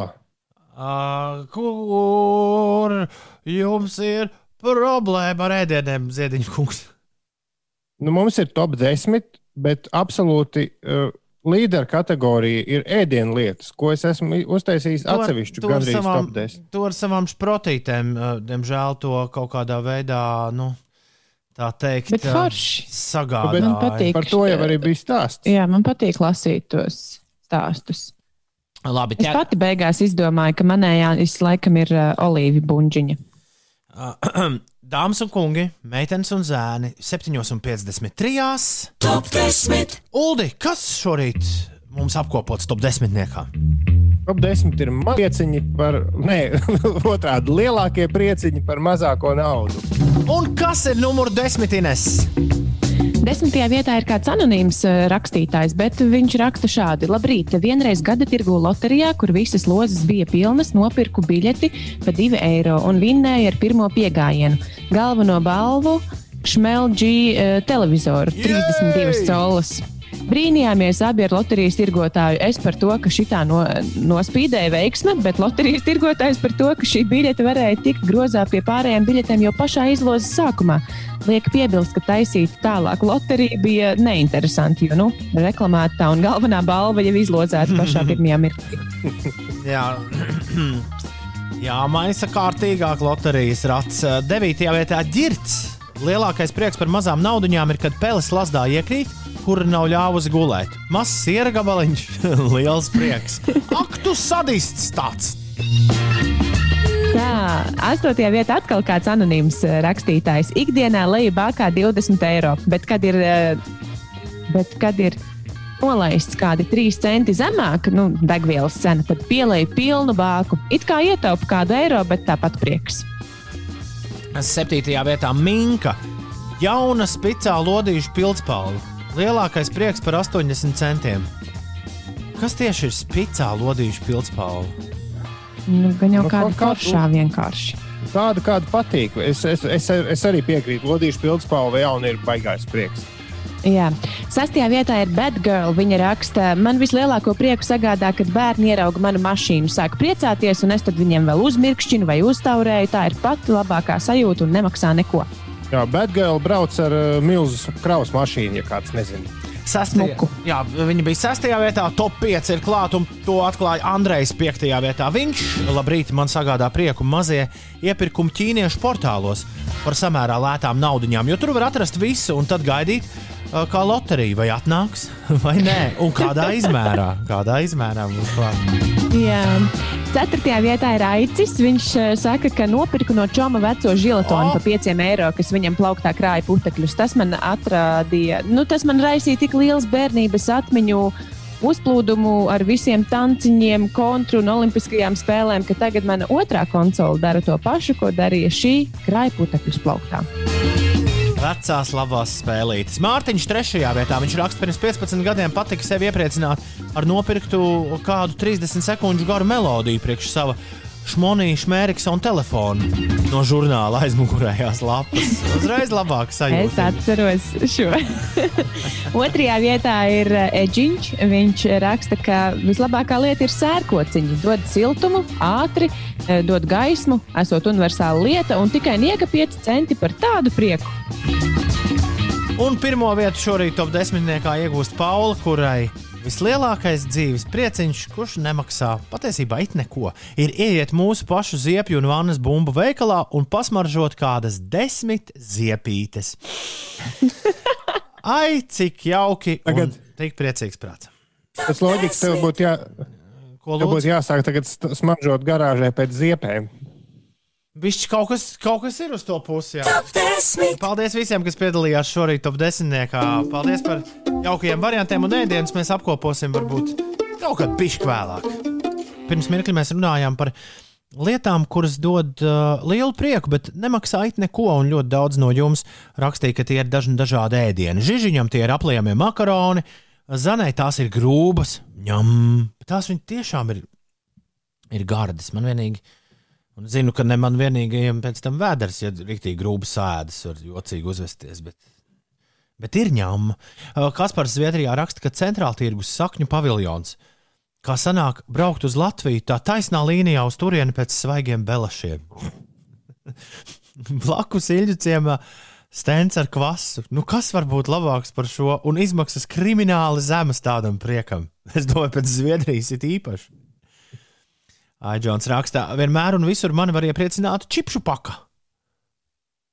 Ir čipši vai čipsi? Čipsi, čipsu, čipsu. Uz pannas cepti kartupeļi ar sīpoliņu, vai ne? Tie izmaksā laumā nervus, lai nomizotu kartupeļus. Bet laumai gandarījums un prieks pa visu seju. Labrīt, apelsīni ir tie, kuri šādi uzlabo garstāvokli, raksta Kristaps, jo tie dod enerģijas un pacilātības sajūtu, uzlabo garīgo un brīžos, kad kaut ko ļoti brīvi gribi, bet nezini, ko tad gribi. Apelsīns ir vietā īstais ēdiens. Redzinies, man arī nesenāk lasīt uh, īsiņas nemaz tik raiti. Nu, labi. Un Eds raksta, labrīt, 38 centi kausētā siera kubiņš. Atver un apēd bez maizes. Mm. Šis būtu labs jautājums, kas ir labāks ieguldījums. 38 centi par kausētā siera kubiņu vai bišķi vairāk centi par loterijas biļeti. Es Es esmu saku, tos sieru kubiņus eh, arī pirkus un ēdus. Es arī saku, ka sieru kubiņš. grūdenis, ko taisa zemesardzes 27. Uh, KB virtuvē. Ņem, raksta kailais fūrists. Es nekādīgi nespēju atrast interbusuļu dziesmu rīta biznesu. Ilza raksta, būšu sajūsmā, ja manai vārdu dienai par godu jūs uzliksiet. Rīta Tas biznesa. nav masku faktors, kurš ir kaut kāda Rīta kafija varbūt. kaut kāda rīta biznesa. Varbūt mēs kaut ko nezinām. Lai laimīgs gads un līgo.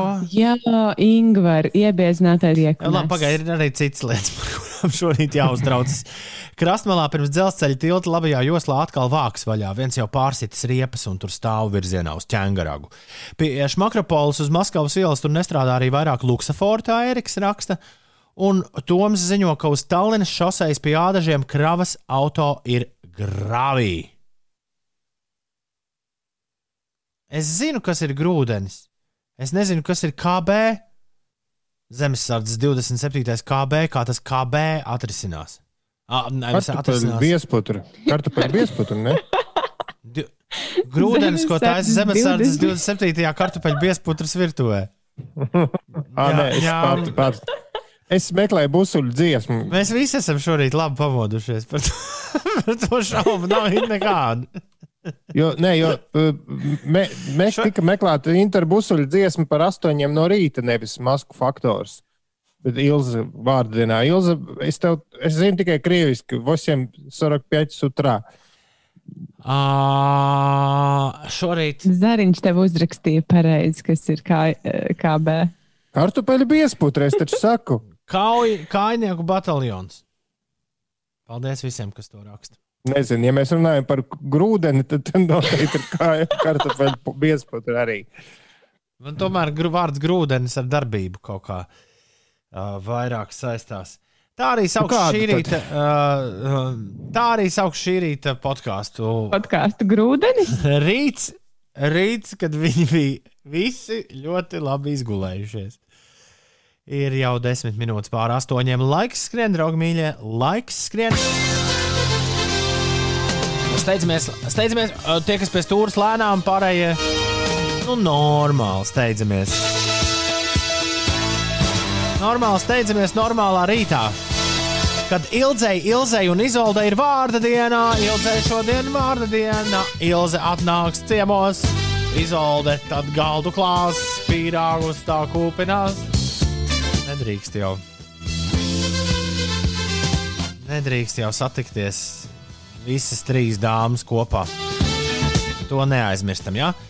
Norvēģi biatlonistam Ulim Eināram Bjerndālenam šodien ir dzimšanas diena. Rīgā dzimušajam krievu izcelsmes amerikāņu baletdejotājam, Latvijas pilsonim gal galā Mihailam Barišņikovam. Daudz laimes dzimšanas dienā arī amerikāņu aktrisei Brigittai Fondai, amerikāņu komiķim Patonam Osvaltam. Ko tad tas ir spēlējis? Tam dzimšanas diena. Viss vis kaut ko visādās filmās, viss kaut ko smieklīgi. Tas maz auguma vīriņš. Ok, fotogrāfam Nilam Vilnim, varim klausītājam, režisoram un labvēlīgā tipa bundziniekam Ainim Zavackim mēs arī vēlam daudz laimes dzimšanas dienā un lai vienmēr jūs, draugi mīļie, darbie jubilāri un gaviļnieki, teiktu, ka šis ir mans laiks. Šis ir mans laiks. O, oh, sapratu, Ulu, par zemesardzes zakāšanu ir administratīva atbildība. Bet kurš Es jau, zākāja es jau ne, nezākāju. Es ticu, ka zemesargi gatavo visgaršīgāko grūdeni un kartupeļu putru. Tiešām no sirds tā domāju. Manai, jā. Nē, jau Par ko tu viss šis, viss, Par ko tu šis viss sākās ar kailā fūrista ziņu, ka viņam šis te prieks ir grūdienis, ko taisa zemesardzes KB virtuvē. Un nākamā viņa ziņa ir, ka grūdienis ir grūba un kartupeļu putra. Nu, bet loģiski, ka KB ir tā kartupeļu viesputra. Labi, labi viss, viss pietiek. Zemesargi, viss cieņu jums. Un, un Es gribēju Visa atbildība kailiem fūristam. Tie, tie, tie, tiesa, ja, ka- ja ti- pret Ulu tiktu izvirzīta administratīva atbildība, valsts to pārsūdzētu, un mums būtu kādi trīs mēneši katru rītu ar ko ņemties. Tā kā katrai, katrai melnai lietai ir arī Katram mākonītim zelta maliņa. zelta maliņa. Jā. 8 un 15 minūtes. Un Emīla mammai Sandrai šodien 50 gadu jubileja. Hip hip hurrā! Daudz laimes dzimšanas dienā, Sandrā! Daudz laimes dzimšanas dienā, Sandrā! Sandra, mēs jums par godu. Nu, labi, tev. Sandra, tev par godu mēs uzliksim tagad ļoti modernu muziciņu no uh, ASV RB divas Žaneles Monē. Ines, kas notiek?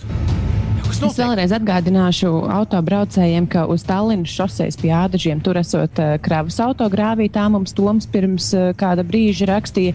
Un pie lielveikala Maskavas ielā tur nestrādā vairāki luksafori. Savukārt Krasmalā pirms dzelzceļa tilta labajā joslā esot akai vāks vaļā. Tur viens jau ir pārsitis riepu. Un, eh, nu, cerams, ka vairāk neviens tajā caurumā neievelsies ar savu auto. Par situāciju uz Latvijas autoceļiem eh, Latvijas valsts ceļu mājaslapā redzams, ka vislabākā situācija šobrīd ir eh, Liepājas pusē. Tur vismaz puse šoseis ir eh, notīrīta, bet citviet Latvijā gan autoceļi ir sniegoti un apladojuši. Esiet eh, ļoti uzmanīgi braucēji šorīt. Šodien Latvijā lielākajā daļā gaidāms apmācies laiks un nokrišņi, sniegs un neliels lietus. Vietām vidzemē un latgalē saglabāsies migla. Valsts ziemeļaustrumu daļā būs lēns vējš un bezvējš. Citviet pūtīs arī mērens rietumu, ziemeļrietumu vējš. Gaisa temperatūra robežās no 0 līdz plus 3 grādiem un kūstot sniegam un apledojumam. Braukšanas apstākļi vietām uzlabosies, bet pievakarē atkal atsāksies apledojuma veidošanās. Rīgā gaidāmi ilgstoši nokrišņi, slapjš sniegs un lietus, un gaisa temperatūra plus 2 grādi tā eh, galvaspilsētā. Un vēl eh, runājot par Teodoru Blugeru un Nacionālo hokeja līgu, nepieminēju, ka ir bijusi arī Blue Jackets eh, spēle. Tiesa Elvis Meržģikins vārtus nesargāja šajā spēlē, un Blue Jackets arī zaudēja Floridas Panthers ar rezultātu 3-4. Your jacket is blue, your heart is cruel. Kas Tālāk nāsiet, tālāk nāsiet domājis. Your jacket is blue, your heart is cruel, but anyway, I love you so. Vai kaut kā tāda. Uh, labrīt, 8,23.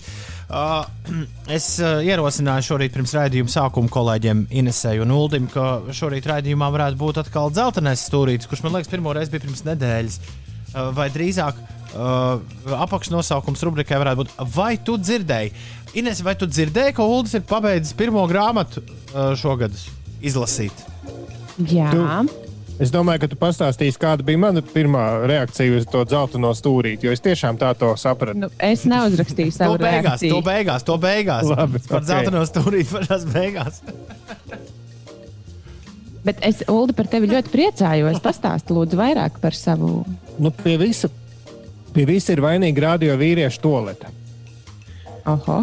Jo mums, eh, nu, par, par laimi vai par nelaimi, Big Band mēģinājumi joprojām notiek radio. Un radio ir remonts pagrabs stāvā, un līdz ar to biblioteka, kuras ieeja agrāk bija caur kaut kurien pa kaut kādiem pazemes gaiteņiem, tagad bibliotekas centrālā ieeja ir pie vīriešu toaletes.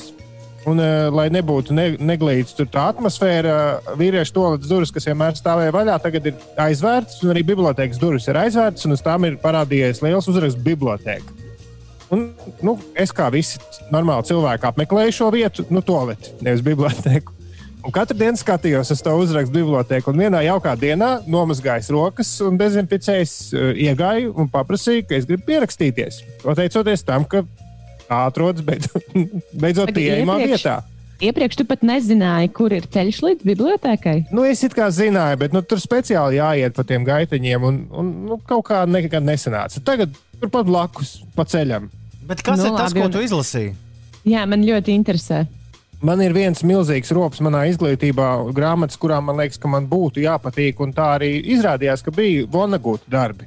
Oh, un cik Tāpēc daudz, ir, savācu- cik tur daudz ir vanegūt? Tur ir trīs eh, populārākie, un ar tiem arī iesākumā pietiek. Tur ir kaķis, kaķa šūpulis, uh, lopkautuve un eh, čempionu brokastis. Jā, jā, jā. Iztiks minimums. Iztiks iztiks minimums. minimums. Un kaķis šūpulis bija mazākā grāmatiņa, to es pieveicu diezgan ātri. Bet uzmeklē Un inter- Spotify divus no šiem darbiem. Pats Vonegūts ir ielasījis. Un pat tā kā tas kādreiz tika izdots skaņu platē, saīsinātā audio grāmatā, tas ir pieejams arī Spotify. O, tā ir laba doma, jo tas kaķis. Kaķu šūpulis droši vien būs jāpārlasa. Jo izrādās, ka var pats nelasīt, bet klausīties. Mm -mm. Nē, es uz audio grāmatām vēl neesmu pavilcies. Bet interesantākais ir, kas notiek smadzenēs. Uh, Stāsts nav par grāmatu, jo grāmatas lasa daudz, un tas nav nekas īpašs. Bet es, es esmu viens no tiem cilvēkiem, kas bērnībā lasīja ļoti daudz, tad pusauģi, nu, tad pēc tam mazāk, bet pa laikam lasīja, un brīdī, kad uzrādījās vietā, ruņi man lasīšana pārtrūka. Un es esmu mēģinājis vairākas reizes, un nevaru sakoncentrēties. Ir tāda sajūta, ka tu lasi, bet domas kaut kur slīd projām. Un es zinu, ka ļoti daudziem ir šī pati slimība, un es tagad tam izgājis cauri. Es varu pastāstīt, kas notiek galvā. Jo es lasu vakaros pirms gulētiešanas. Es iekārtoju speciālu lampiņu, vēl vienu, lai man labāk redzētu. Un viss pirmās kādas trīs, četras dienas palasīt, burtiski fiziski organisms pretojas. Un doma vienkārši peld projām uz kaut kādiem rītdienas darbiem vai, vai kas tur noticis Twitterī, vai kaut kādas ziņas, vai Trumpa inaugurācija. Vienkārši tu lasi un saproti, ka es jau puslapas pusi esmu palaidis garām, it kā lasot. Labā ziņa. Trīs vakaras sev nācās piespiest, kādā ceturtajā vakarā es piefiksēju, e, es sāku uztvert, beidzot, smadzenes sāk iemācīties atkal koncentrēties uz to tekstu. Un tagad, grāmatas jau pašā izskaņā, es sapratu, pēkšņi noķēru, ka ir atgriezies tas, kas nebija kopš bērnības sajusts. Es izrādās lasu vizuāli. Es visu, ko izlasu, es redzu nu, Man liekas, scenogrāfiju. ka tā pilnīgi visi Nu, dara. Droši vien, jā.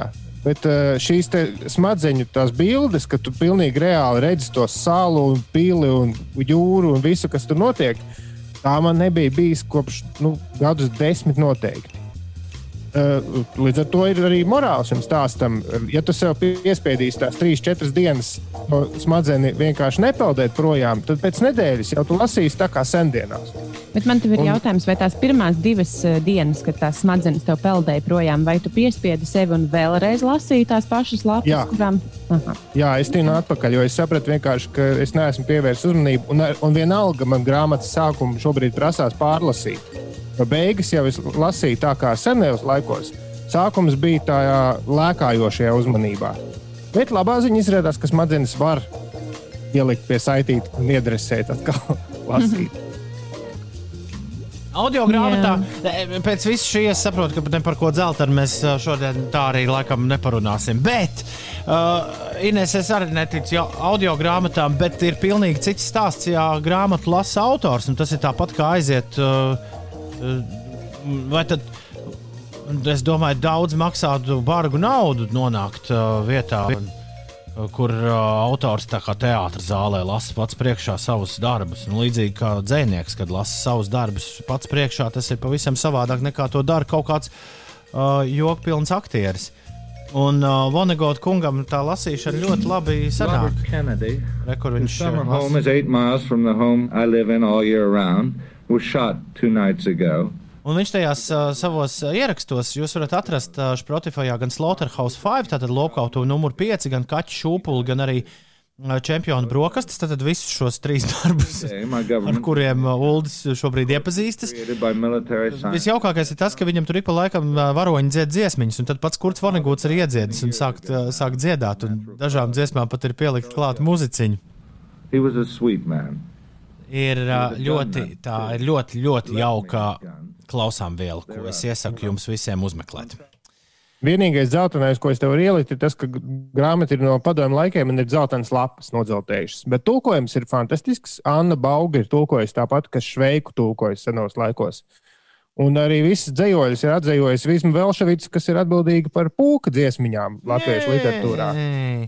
Tā kā par tulkojumu var teikt tikai to labāko. Nu, redz, pa, pa, pan, nevis pandēmijas, kāds mums viņš bija ār, ār, ārkārtējais grāmatu klubs. Ja?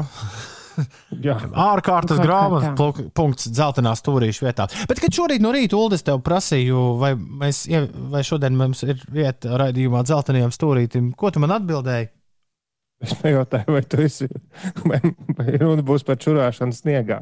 Es gribēju pierakstīt klāt, vai arī man tas ir jādara. You said forever, now I drive alone past your street. Princese no Disneylandes, Olivija Rodrigo un Driver's License 8,35 minūtēs. Pirms desmit gadiem, 27. janvārī, mēs saņēmām sēru vēsti par to, ka mūžībā devies ir mūziķis, kura dziesmas un balss daudziem nozīmē ļoti daudz joprojām. Katru gadu labdarības maratonā dod pieci. Mēs piedzīvojam to brīdi, kad reiz Liepājā Baltic Beach partija ietveros ausu saule un kopā ar publiku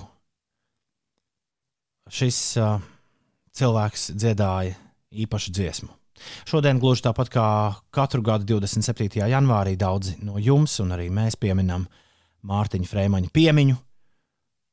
Un tāpēc arī šajā rītā, 8,35 minūtēs, laiks atgriezties tajā zīmīgajā rītā, kad Mārtiņš nodziedāja šo. Jo ilgāks laiks ir pagājis, šobrīd desmit gadi kopš Mārtiņa Frēmaņa vairs nav, jo šis ieraksts izklausās aizvien. Es zinu, ka stulbi lietot vārdu interesantāk, bet tā tas, tā tas patiešām ir. Tas nes sevī lielāku vēstures koncentrāciju loģiski ar katru, ar katru gadu, jo mēs no šī mirkļa, kad šis ieraksts ir veikts, attālināmies. Bet, uh, bet jā, uh, pats tā aizdomājos, ka aizmirsu, ko šajā sakarā vēlējos. Vēlējos. Ah, jā, iedomājieties, Ulu un Ines, kā, iedomājieties, kā skan šis ieraksts ar katru gadu tiem cilvēkiem, kas bija uz vietas. Tādu tur bija vairāk tūkstoši. Liepājas pludmalē, un kuri, kuri šo atceras. Kā reālu atmiņu, nevis tikai kaut ko ierakstīt vai atrast YouTube. Kurā gadā tas ir ierakstīts?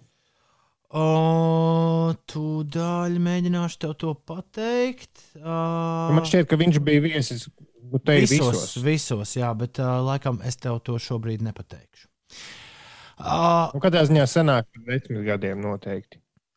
Cilvēki aiziet, bet kamēr mēs, to, uh, kamēr mēs viņus neaizmirstam, tikmēr viņi īsti nekur neaiziet. 8 un 43. Inesē, kuku! Jā, Kas notiek? Starptautiskā hokeja federācija lēmumu par 2021. gada pasaules čempionāta rīkotājiem grasās pieņemt nākamajā nedēļā. Pat labi, joprojām nav zināms, kurai valstī tiks uzticētas iepriekš Minskā paredzētās spēles, bet kā viens no variantiem tiek uzskatīta visa čempionāta uzticēšana Latvijai. Tāpat daļa no čempionāta varētu pārņemt Slovākijas galvaspilsēta Bratislava vai arī Dānijas pilsēta Heminga. To mēs eh, cerams uzzināsim jau nākamās nedēļas sākumā. Vēl par aktivitātēm valdība meklēs iespējas pārkārtot cīņai ar covid-19 izplatību noteiktos ierobežojumus un padarīt tos jēdzīgākus. Taču pašlaik nevar atļauties ievērojami tos atvieglot un ļaut lielāku cilvēku pulcēšanos. Tā Latvijas televīzijā šorīt teica eh, Krišjānis Kariņš, premjerministrs. Nu, tad gaidīsim, kādi tad varētu būt lēmumi turpmāk. Un eh, par situāciju uz autoceļiem tie joprojām ir eh, slideni un apladojuši praktiski visā valsts teritorijā, it īpaši valsts centrālajā daļā. Vēl Latvijas pusē izskatās, ka ir situācija mazliet uzlabojusies uz galvenajiem autoceļiem. Arī Liepājas šosei pa pusē ir jau notīrīta. Cerams, ka arī visā pārējā valstī stāvoklis uzlabosies. Bet, eh, nu, ja pa dienu būs mazliet plusos un sāksies mazliet uh, apledojuma kušana, tad atkal vakarā paliks vēsāks un atkal viss piesals, kas uz ceļiem ir palicis. Sanāk tā kā dziesmā teikts, viss nāk un aiziet tālumā un sākas viss no gala, vai ne? Jā.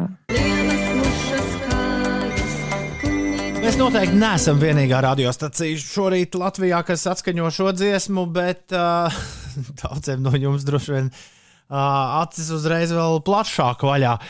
Zana raksta, kas par dziesmu tik sen nav dzirdēta. Pilnīgi jūtu to bērnības zaptes maizes garšu šo klausoties. Labs! Kas pa fenomenālu gabalu Neinējs raksta? Bombā!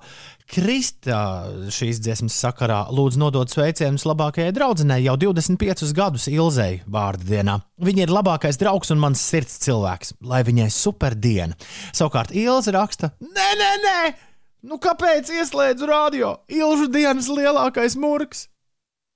Ā, dziesmu! Ilzīt, bet galvenais, lai tu neesi milzīt.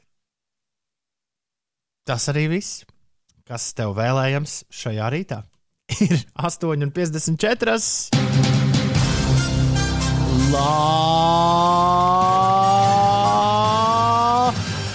Labrīt, labrīt, labrīt, labrīt, labrīt, labrīt, labrīt, labrīt, labrīt, labrīt, labrīt, labrīt, labrīt, labrīt, labrīt, labrīt, labrīt, labrīt.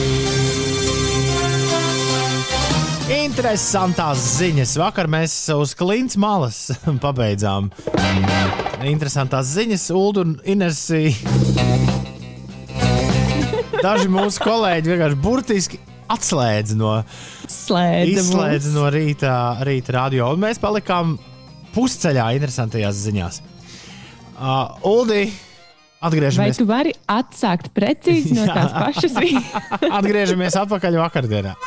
Varbūt labi, ka mūs izslēdz, jo es jau vakar stāstot šo stāstu, domāju, ka vajadzēja sākt no otra gala. Aiziet, sāc, Vajadzēs, sāc no vajadzēja sākt ar to, un, ja mūs atslēgs šodien, tad vismaz būs vēl lielāka intriga. vajadzēja sākt ar to, ka kāda sieviete aizturēta par to, ka viņa sadūrusi savu vīru pēc tam, kad atradusi viņa telefonā fotogrāfijas ar kādu jaunāku sievieti. Oi, Nu, grei, greizsirdība ir, ir milzīga inda un ļoti spēcīgas jūtas. Un, protams, ka mēs neataisnojam vardarbību, bet mazliet var arī saprast šo sievieti. Viņa bija acīm redzot ļoti kaislīga un, un nav varējusi piedot šādu pārdarījumu. Vienīgā nelaime. Pēc tam atklājies, ka šīs bildes ir bijušas bildes, ko tas vīrs pārfotografējis no kāda senāka albuma, kurā redzami viņi paši. Ui, Vienkārši dāma ir, kā jau es vakar teicu, nu, pa gadiem Auč! mazliet mainījusies. Un tik ļoti mainījusies, ka sevi nav vīrs izskatījies kā mūsdienās, bet dāma ir nu, krietni novecojusi un izmainījusies. Un auč! tāda, tāds nu, tas pārpratums sanācis. Jā, nu, Auč. par laimi vīrs ir dzīves. jā. Bet vai Tas tā būtu laulības dzīve turpināsies kā līdz šim? Var jau būt, ka tieši forši kā, kurš, jūtas. kas mīlēs, tas ķīvējs, vai ne? Uh, Lai arī parasti mēs tā nedarām, bet nākamā ziņa ir ņemta no mūsu, es teiktu, filiāles LSMLV. Jo Uldis tai uh, bija uzmetis LSMLV portālam, bija uzmetis acis jau pirms kāda laika. Viņuprāt, šis ir pārāk svarīgi, lai mēs par to nepastāstītu arī jums. Gaļa dziedāšana, govju maušana, traktoru troksnis, Francijā lauku skaņas un aromāti tagad aizsargāti ar likumu un atzīti par daļu no nacionālā mantojuma. Šī lieta aktualizēta, jo Francijas laukos vietējiem un pilsētas atpūtniekiem dažkārt radušās domstarpības par to, kādai jābūt lauku videi. Pirms kāda laika tiesā uz apsūdzēto soli pat nonāca kāds gailis savas dziedāšanas dēļ. 2009. gadā īpaši ziņu virsrakstu uzmanība bija pievērsta gailim vārdā Maurīs, kurš nonāca tiesā uz apsūdzēto soli savas agrās rīta dziedāšanas dēļ. Apsūdzot par trokšņa piesārņojumu, viņi mēģināja apklusināt kaimiņu, Zupā droši vien pārvēršot, kuri netālu bija iegādājušies brīvdienu māju. Tiesa gaila attaisnoja, nekāda zupa nesanāca, un tagad lauciniekiem ir panākums arī parlamentā un nacionālā mērogā. Ciematā pat izvietots brīdinājums: uzmanību, jūs esat laukos, tas ir mūsu mantojums. Viņiem jābūt iecietīgākiem. Mēs nemeklējam strīdus, vienkārši daži cilvēki atvaļinājumā aizmirst, ka šeit ir šāda veida troksnis, tā stāstīja ciemata iedzīvotājs.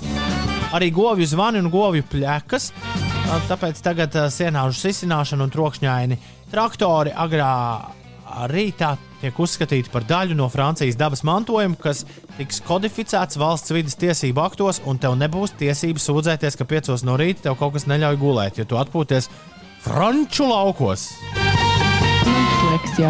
Ja tu brauc brīvdienās uz franču laugiem, pats vainīgs. Nu, es domāju, ka kaut kā tāda apmēram tā doma viņam. Man liekas, mums arī ir govu flekas. Nav mūsu mantojums. Nu, ko ķeries klāt, vēl kaut kāda Eiropas finansējuma. Un tik uz priekšu. Lai tev veicas. Hei, un tas ir arī viss cauri. Vairāk nekā šorīt nebūs. Šis bija raidījums, kurš sauc pieci rīt joprojām. Un tagad, un tagad tik sāksies trešdienas darbi un nedarbi. Paguldim jābrauc uz Siguldu skatīties ziemu dzīvajā. Notīrīt sniegu tur. Ulu brauc parūpējies par savu pilsētu. Man ir zobārs šodien. Ai, ai, ai, ai, ai. Tu pārāk tā, tu ļoti aktīvi esi pie viņa. Sācis staigāt, man būs pie tevis jāpakonsultējas par apdrošināšanas jautājumiem. Inesē šonadēļ ir dubultā nedēļa. Ines, tu strādā arī Latvijas radio No viens rīta līdz vēlam pēcpusdienā. vakaram, jā. Jā. Nu, pa ko tā pēcpusdienā runāsiet? Pir pirmajā Rīgā. Jāizdomā. Okay. Lai tev labi domājas, ja mums kāda ideja ienāks prātā, mēs tev padosim ziņu. Uh, Pieci rīti, darba dienās no 6 līdz 9. Rīt mēs atgriezīsimies un turpināsim iesākto darba nedēļas dunu. Klausies mūs arī podkāstā, tur dzirdams viss, par ko mēs plāpājam. Bez dziesmām, rīti 5 LV atkārtojuma mašīnā arī viss skan. Tā kā tika uz priekšu.